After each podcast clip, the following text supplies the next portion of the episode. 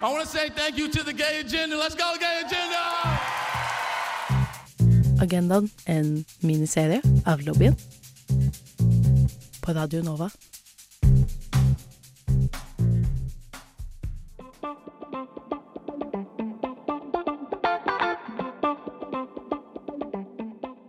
Hvis du har sett på en episode av realityserien RuPaul's Drag Race, så er sannsynligheten stor for at du har hørt uttrykk som shade, work, serving, yes queen eller realness. Det du kanskje ikke vet, er hvor de ordene og uttrykka faktisk stammer fra.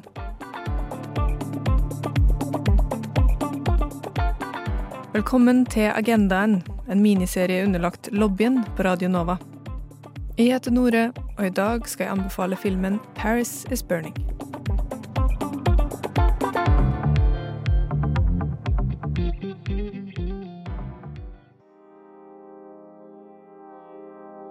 Paris is Burning er en dokumentarfilm fra 1991 laga av Jenny Livingston. Filmen vant Grand Jury-prisen på Sundance Filmfestivalen samme år, og har vært både en populær og omdiskutert film siden den ble utgitt.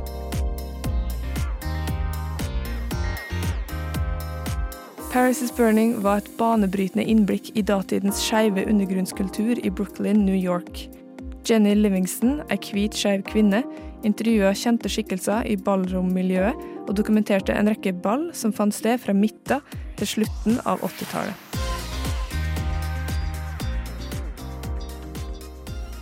Men hva er egentlig et ball i denne konteksten?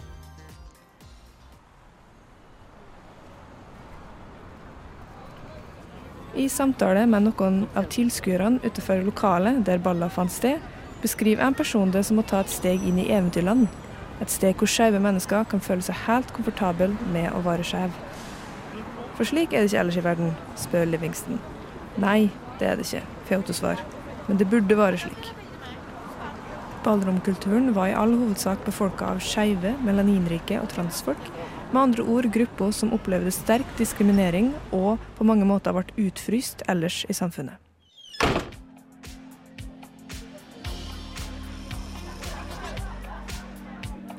Under et ball, derimot, kunne man vise frem sitt talent, sin skjønnhet og sin intelligens på måter man ikke ellers fikk mulighet til i møte med storsamfunnet.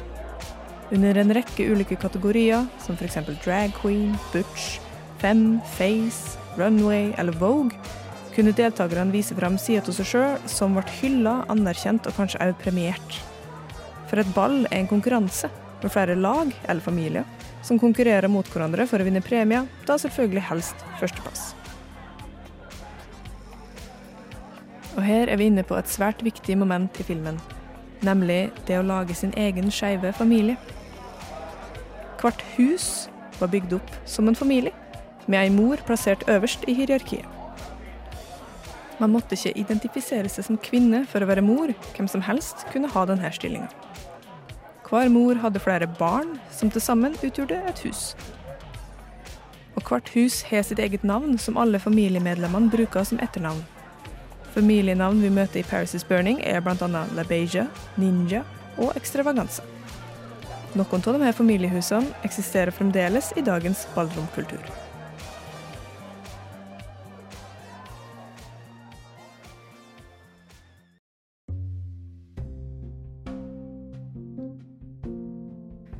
Filmen er riktignok ikke uten kontrovers.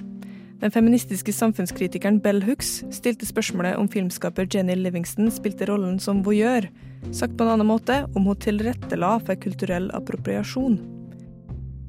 I de første par åra etter utgivelsen av filmen følte samtlige av dem som hadde deltatt og latt seg intervjue, at de ikke fikk tilgang på filmens suksess, og vurderte derfor å gå til søksmål.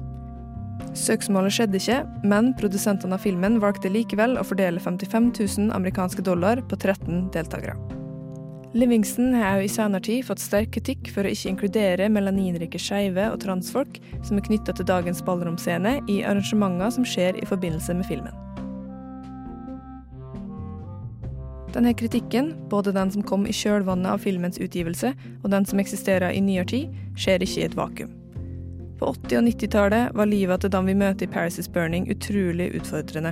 Mange av dem som tilhørte ballrommiljøet var hjemløse og hadde liten annen mulighet for inntekt enn sexarbeid. noe som følgende gjorde ei allerede svært sårbar gruppe enda mer sårbar overfor vold og overgrep. Hiv og aids prega òg dette miljøet sterkt, og flere av personene vi møter i filmen, slik som Dorian Corey, Willy Ninja og Octavia St. Laurent, døde av denne sykdommen. I dag er det fremdeles slik at melaninrike skeive er spesielt utsatt for diskriminering og vold. Viktigheten av ballromkultur som et fristed er derfor fortsatt til stede, og det samme er fokuset på å unngå appropriering og andre uheldige utviskninger av miljøets rettmessige innflytelse og status.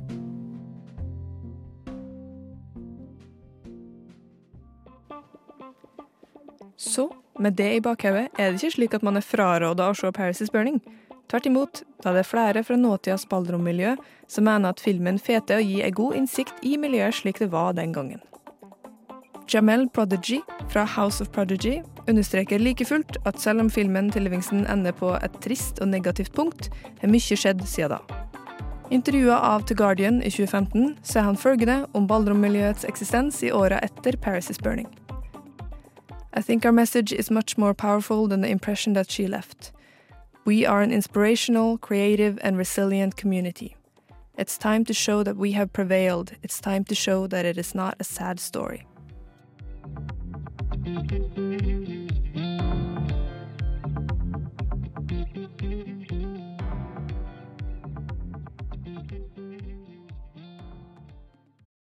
I came, I saw, I conquered. Boy. Give her what she wants. She bring it to you every ball.